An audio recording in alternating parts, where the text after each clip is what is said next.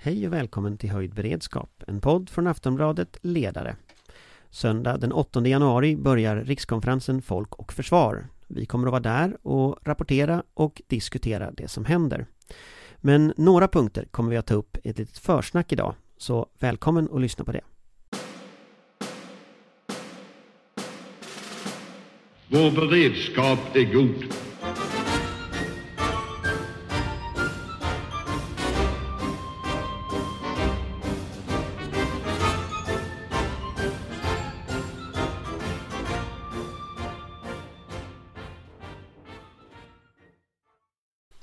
Ja, då sitter vi här i vår studio eh, på eh, Schibstedhuset i Stockholm och vi som sitter här är jag, eh, Anders Lindberg. Tillsammans med Patrik Oksanen, Tankesmedjan Frivärd. Och på länk från de södra, the deep south, är Amanda. Vollstad, Svensk Tidskrift, från ett dimmigt och blåsigt Malmö. Ja, det var väldigt dimmigt idag förstod jag. Ja, det går inte att se många meter, nej. Eh, Johan Victorin som inte är med idag, han, han är ju faktiskt i Skåne och eh, han rapporterade ju att eh, de var, tog väl, var väl 3-4 meter från landningsbanan då han såg marken. Så att det var, verkar ha varit en riktig ärtsoppetjocka hos dig Amanda. Man får, man får hoppas att han är var i planet. Tanke på hans bakgrund. Men ja. Ja. Eh, det, det, Jag har inte sett några lunchlanssatta trupper nu i alla fall. Så ja, att, eh, förutom Johan då. Ja, Ja, precis. men, men i alla fall, eh, då, då, är, eh, då är det så att när vi spelar in detta idag så är det sista dagarna före julafton. Eh, det är eh, midnatt, vad heter det, midvintersolståndet idag. Och när detta spelas, när ni hör detta, då är det antagligen eh, efter jul och nyår och Folk och Försvar. Men vi spelar in det här i förväg, för jag ska sända detta strax innan Folk och Försvars rikskonferens. Och temat idag, det är naturligtvis Folk och Försvars rikskonferens. Och eh, när vi spelar in detta Eh, så har det just varit en ganska stor cirkus i media kring en person, eh, en Irankännare på, på Utrikespolitiska institutet som heter Rosbe Parsi som eh, eh, först skulle vara med i programmet men sen inte längre är med i programmet efter protester från framförallt de politiska ungdomsförbunden. Avhoppningshot då från Grön ungdom och Moderata ungdomsförbundet bland annat. Bland annat så. Så det har varit en ganska stor cirkus precis här. Så vi börjar där även om vi nu ska prata om programmet. Patrik, vad är det som händer här egentligen? Ja, och det här är ju inte helt lätt att reda ut om man inte är, är djupt inne i att förstå Iran. Eh, men eh, Rosby Parsi anklagas för att ha kopplingar till regimen i Iran och eh, då eh, också då ifrågasätta sanktionerna. Det är ju här vad han anklagas för. Eh, Är det Problem... kopplingar till Iran, eh, eh, regimen, eller är det så att han anklagas för att vara positivt inställd till regimen? Ja, både och och lite flytande. Problemet här är ju då att eh, det här har ju inte blivit särskilt tydligt i debatten vad det här handlar om. Eh, om det är substantiellt och i vilken form. Och eh, i det som då Folk och Försvars eh, styrelseordförande Göran Arius då som eh, eh, då blev intervjuad av Sveriges Television då, han, han konstaterade att det var ett väldigt svårt beslut att då stryka Parsis deltagande. Och eh, då eh, med motiveringen då att det fanns medlemsorganisationer som övervägde att inte komma till rikskonferensen och att det fanns risk att det skulle bli en stor opinion mot att han skulle vara med och det skulle kunna bli fel fokus. Underförstått då att du skulle ha iransk diaspora eh, som protesterar mot regimen som skulle dyka upp utanför Högfjällshotellet i, i Sälen. Eh, samtidigt så menar då Folk och Försvar att de inte fått några bevis på att Parsi stödjer regimen i Iran men väljer ändå att stryka hans punkt. Och det här skapar ju naturligtvis debatt och diskussion och också motreaktioner där, där det här också, också ifrågasätts att man, man hör av sig och undrar vad håller ni på med? Eh, och eh, vi får väl se om det kommer några avhopp eller avhoppshot efter, efter den här strykningen från andra som tycker att det här blir då för mycket cancelkultur. Vad tycker du själv? Jag tycker att det här är utifrån de öppna uppgifter som finns svårbedömt utifrån att det är, är otydligt och luddigt. Eh, så att, eh, men det vore välgörande om någon eller några använder julhelgerna till att eh, eh, försöka då eh, klarlägga det här. Om det stämmer eller inte. Och vad som i så fall stämmer. Precis, och vad som i sådana fall stämmer. Amanda, du har ju ändå lite kunskap och kopplingar till, till, eh, till Moderata ungdomsförbundet höll jag på att säga, men det kanske var överdrift. Men, men ändå Moderaterna. Va, va, va, vad tänker du utifrån det, Moderaterna, det var ju Moderata ungdomsförbundet kanske som var tillsammans med Grön ungdom som har lyft de här frågorna. Liksom. Vad, vad tror Ja, du det handlar om? Där har jag inte varit med på över 15 år så det var ett tag Ja, men jag tänkte hade du är den enda av oss som har någon som helst koll på. De, MUF har ju i alla fall inte tidigare varit kända för att vara några större anspråkare av just cancelkultur. Så man vill ju gärna tro att de har någonting på fötterna när de gör ett sånt här krav. Samtidigt som är ungdomsförbund ungdomsförbund och det ligger ju i sakens natur att reaktioner ibland blir lite kantiga och kanske lite överdrivna. Um, men det är, ju, det är ju väldigt svårt för en utomstående att göra sig en bild av det här. Och jag kan någonstans tycka att antingen får man gå ut med tydliga anklagelser och förklara vad Konska har gjort och gett honom en chans att försvara sig.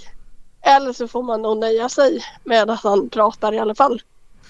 Och i det här så kan vi väl konstatera att oavsett så, så är ju eh, det är ju ingen hemlighet att det har funnits en kritik kring Rusby Parsi eh, och att det har varit uppmärksammade fall och det, det var ju en incident på Medelhavsmuseet här i, i Stockholm för en tid sedan när han var talare och, och demonstranter tog sig in och störde. Det har ju också strukit seminarier tidigare och så, Ja, så, så, så, så, samma det, orsak. så det, det är ju ingen, ingen, ingen okänd historia. Så här kan man väl konstatera att rikskonferensen har hanterat det här kanske lite obetänksamt eller gjort en dålig riskanalys i, i den här frågan när man då har bjudit in honom. Att man eh, har underskattat reaktionerna eller inte gjort en tillräckligt bra grundläggande research. Vi får se liksom vad, vad det här landar. Men, men, men det är olyckligt position nu för, för eh, rikskonferensen och, och eh, man är i lite grann damned if you do and damned if you don't läge. Alltså själv så är väl min reflektion när jag, när jag hörde den här historien att eh, Alltså det, det jag kan inte så mycket om hans synpunkter om Iran. Jag måste erkänna att mina kunskaper om liksom olika delar av den iranska diasporan och så här, hur nära man står regimen den är ganska liten. Däremot så vet jag att han har en synpunkt på, på sanktioner Som jag är väldigt tveksam till. Och där han har varit väldigt sanktionskritisk. Eh, och, och det är ju någonting som inte bara har en koppling till Iran utan det får ju en direkt koppling på Sveriges politik visavi Ukraina och sanktionerna mot Ryssland. Så jag var lite förvånad när jag såg att en sån person var i programmet, ska jag erkänna.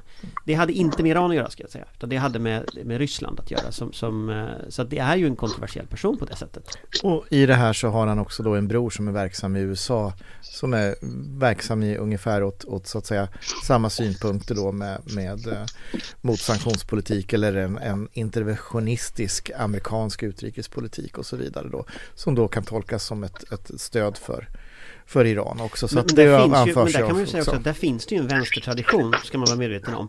Där man är liksom antiimperialist och där man är kritisk till sanktioner som instrument och så.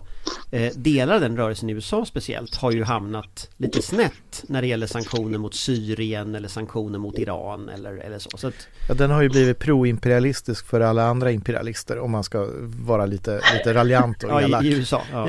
Nej men och när det gäller Rosbeth så är väl summan av, av kardemumman att vi har inte en aning om vad Folk och Försvar har för motiv egentligen, för de skriver inte det. Mer än att de skriver att medlemsorganisationerna skulle bli arga. Och det är det vi vet, kan man säga. Ja, och det var inte någon eh, jättebra uppstart så att säga för den första fysiska konferensen på ett par år. Vi får ju komma ihåg att den här har ju fått köras digitalt två gånger i rad på grund av pandemin. Ja, vi får väl se eh, om det är så att någon kommer att motivera det här beslutet lite mer utförligt.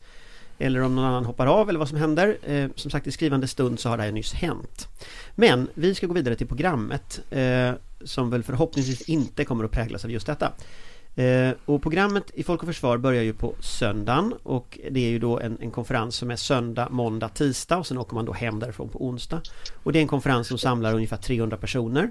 Och det är huvudsakligen ledande skikt i politik, i, i akademin, i de här frågorna, i olika tankesmedjor, i, Försvarsmakten, alla olika organisationer. Och det är Frivilliga, organisationer, frivilliga organisationer. frivilligorganisationer. Och medlemsorganisationer. Och det är ju medlemsorganisationerna i Folk och Försvar som är kärnan och det är ju i princip det stora organiserade Sverige. Det är allt från LO, Svenskt Näringsliv, Rädda Barnen, Röda Korset till, till lottor och, och annat som, som, som, är, är medlemmar i, i Folk och Försvar.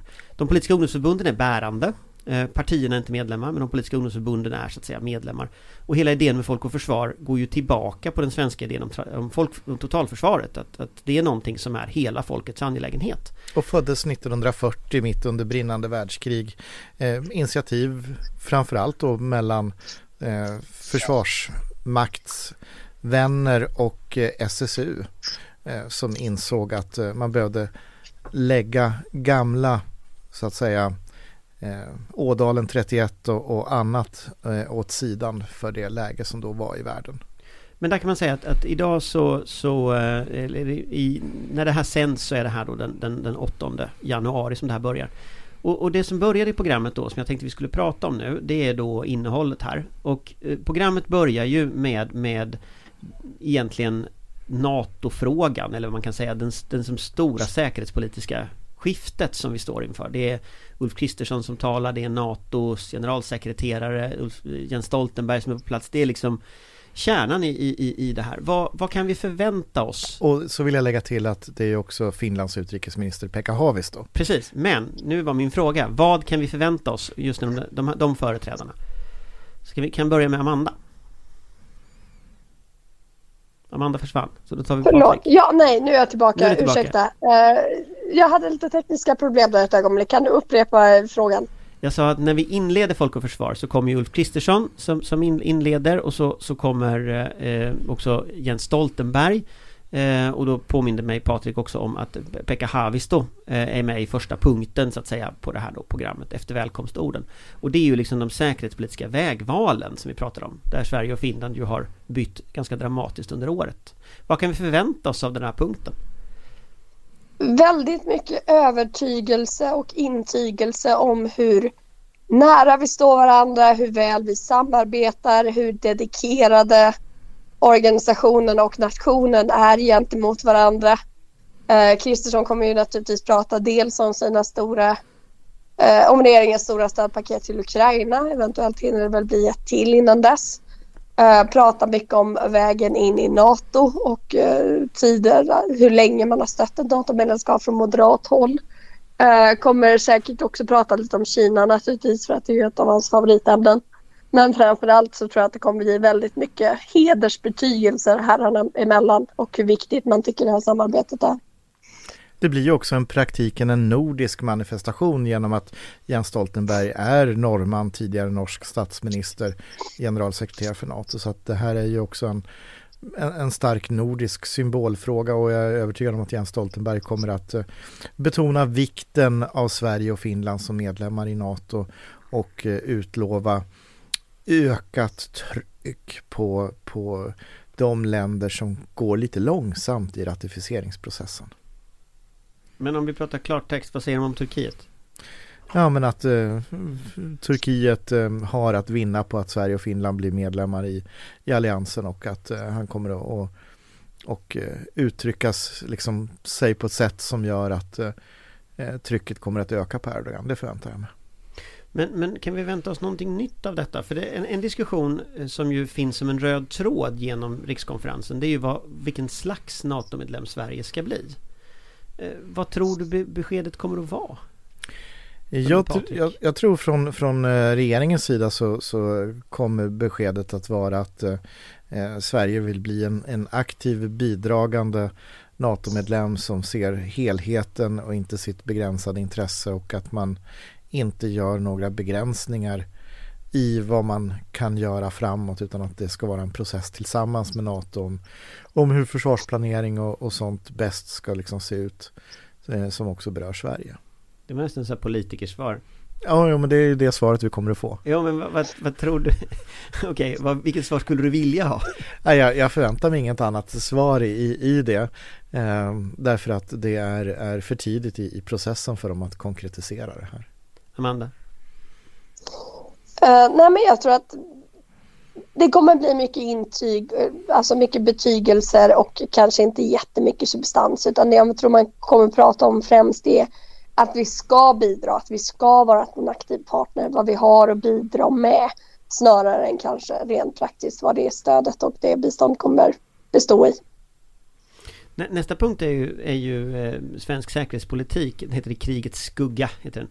Eh, men där är Magdalena Andersson med. Och en sån sak jag tror att Magdalena Andersson kommer att ta upp Det är just det där som Patrik inte ville ta upp Nämligen Hur ska Sverige vara i NATO? Alltså vilka gränser ska finnas? Och då finns ju tidigare beslut från Socialdemokraterna om att man kanske inte ska ha baser, NATO-baser i Sverige Att man inte kanske ska ha fasta system, fasta installationer det här idén om att vi ska säga nej till kärnvapen på svensk mark är naturligtvis mera teater eftersom det är ingen som tänker lägga några kärnvapen på svensk mark men det kommer man säkert att säga.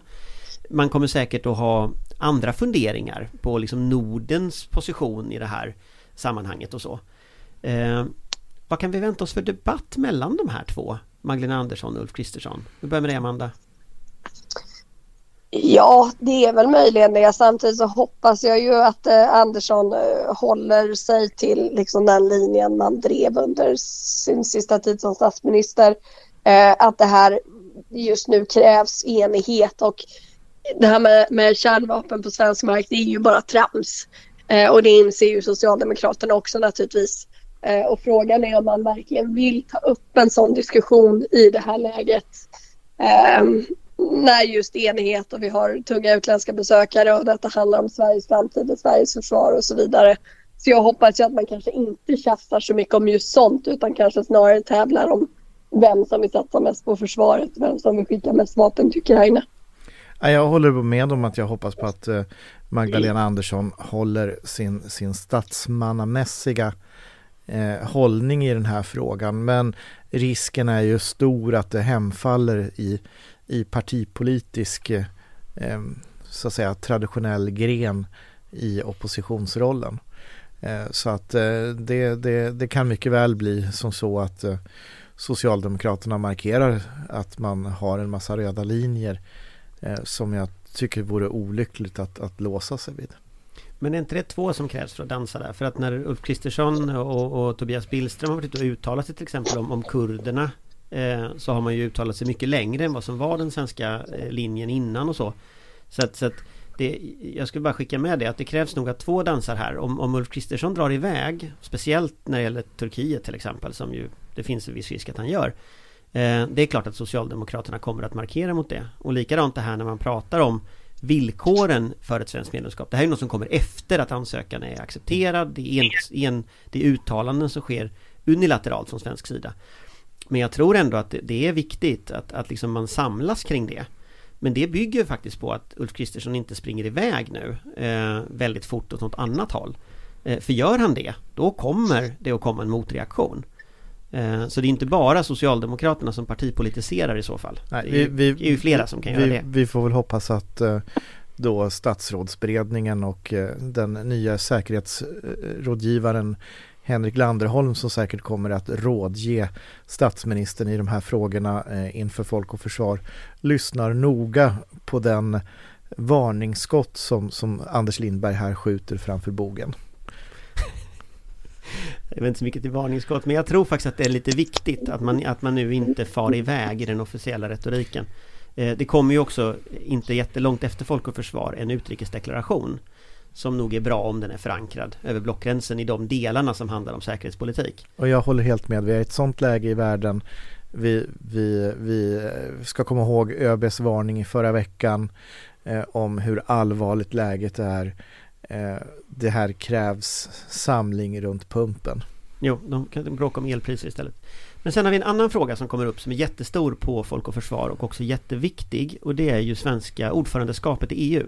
Från och med 1 januari så är ju Sverige ordförandeland i EU och enligt den information man har hört nu från Tyskland och Frankrike så verkar ju de samarbeta ganska mycket så man undrar ju vad svenska ordförandeskapet betyder egentligen här. Men det är ändå en dagordningssättare. Vad kan man förvänta sig för dagordning? Att man vill sätta dagordningen i, för det här EU-samarbetet? Ska vi börja med Amanda? Jag tror ju att eh, naturligtvis framförallt när man diskuterade folk och försvar men även generellt så tror jag att säkerhetspolitiken kommer bli en viktig punkt.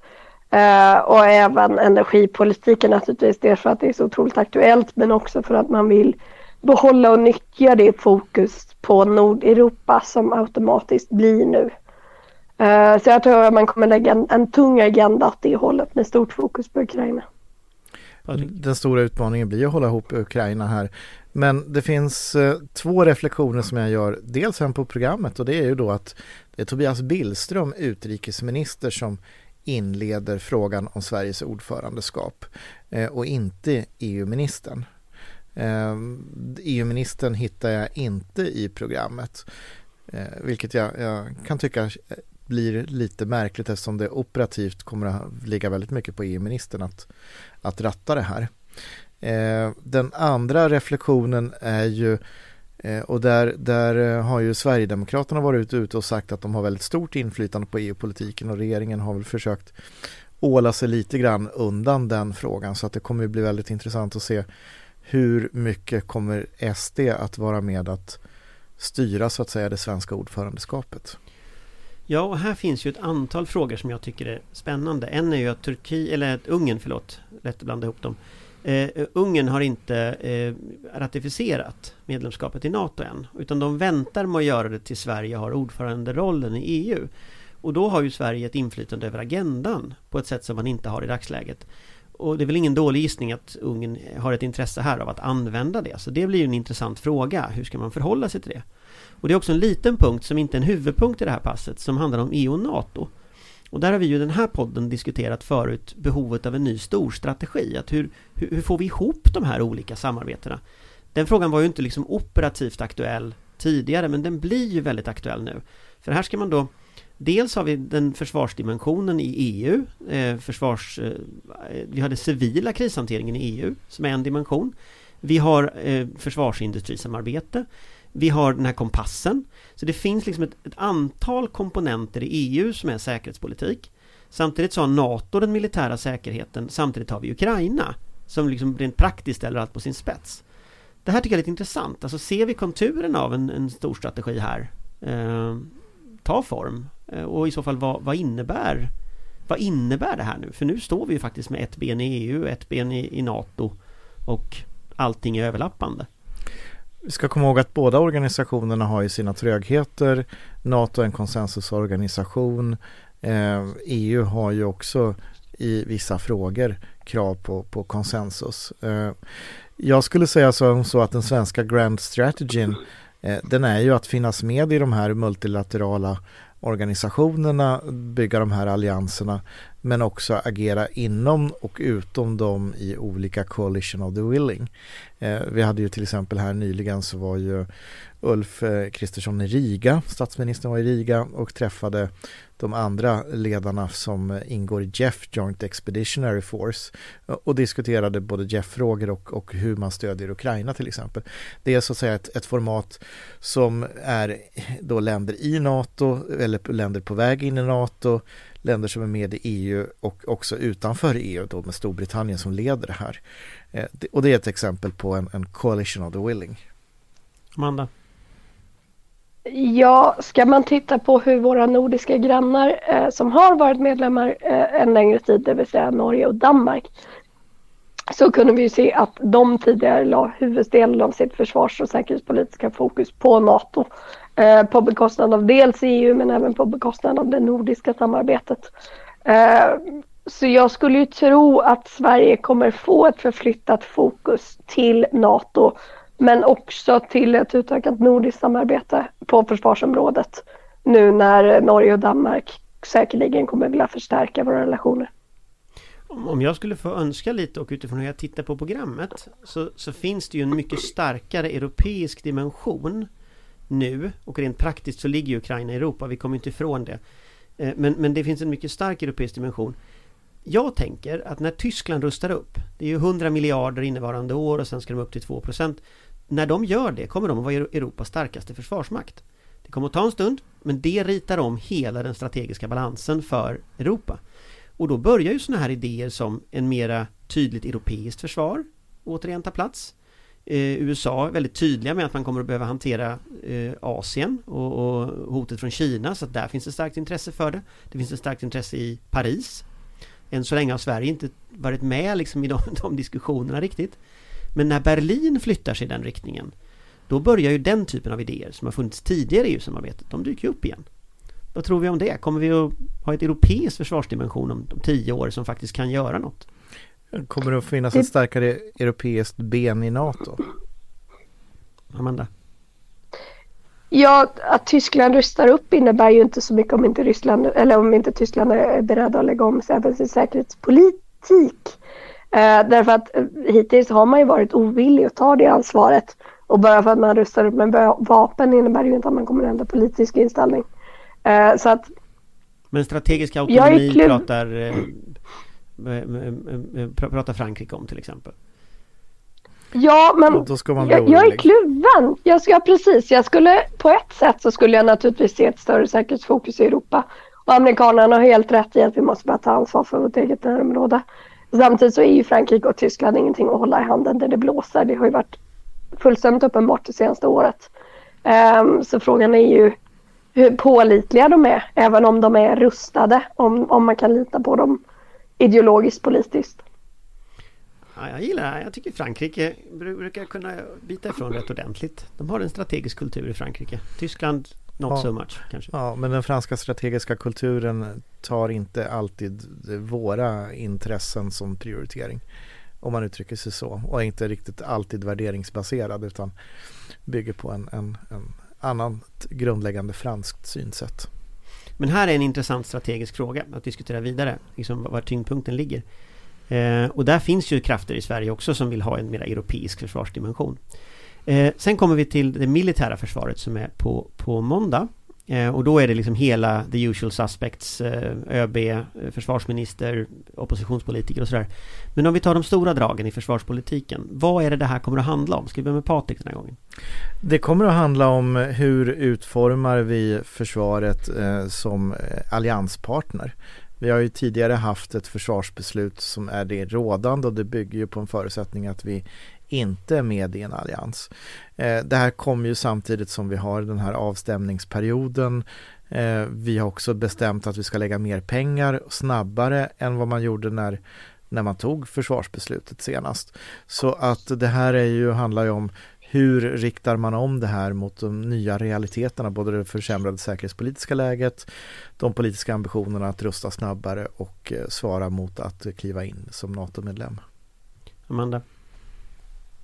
Uh, nej men jag delar väl den bilden. Det, det, är en enorm strategisk omställning vi står inför. Det ska vi inte hymla med. Uh, sen så tjatar jag ju alltid om personalpolitiken. Ja, den är inte med uh, riktigt. Nej, men den kommer ju ändå behöva lyftas för frågan är ju så pass desperat nu.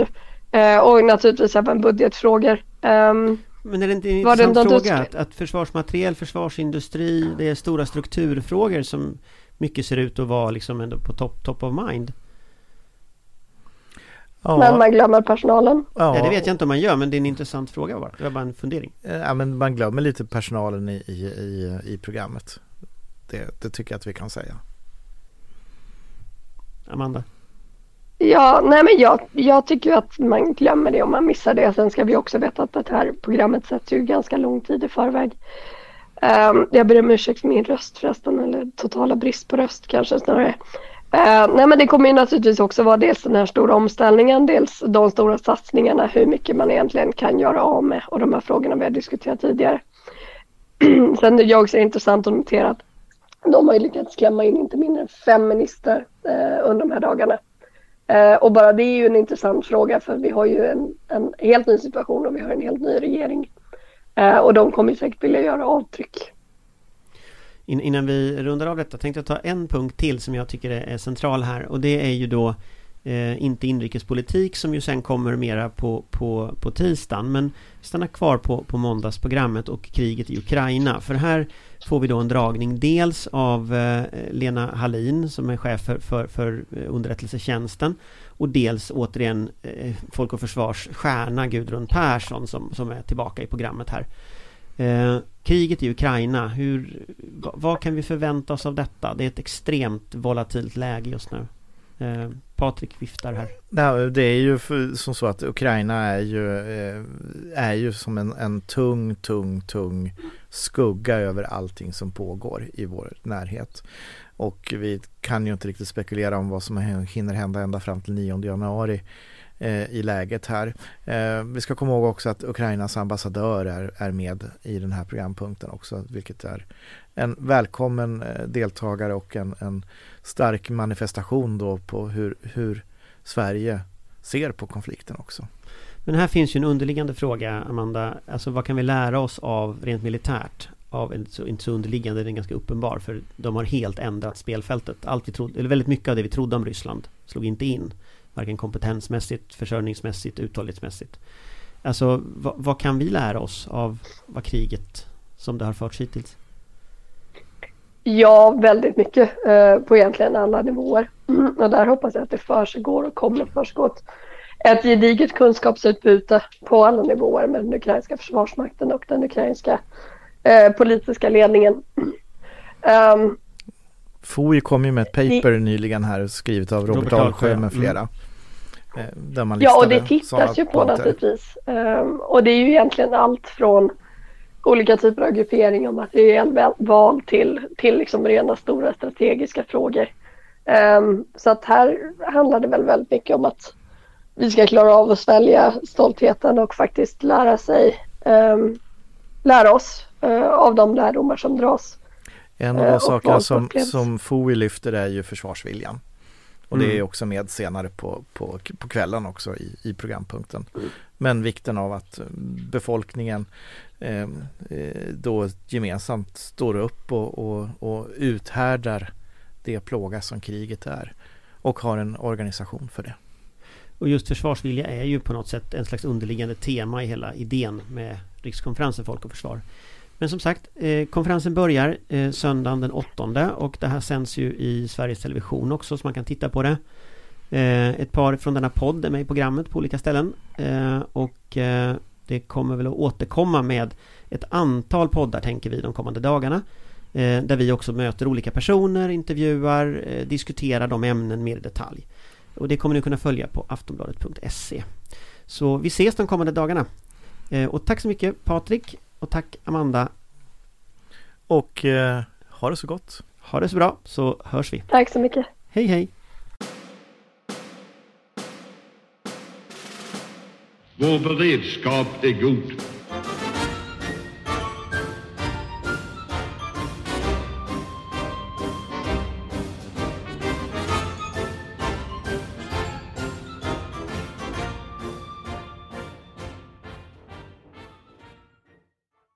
Du har lyssnat på en podcast från Aftonbladet.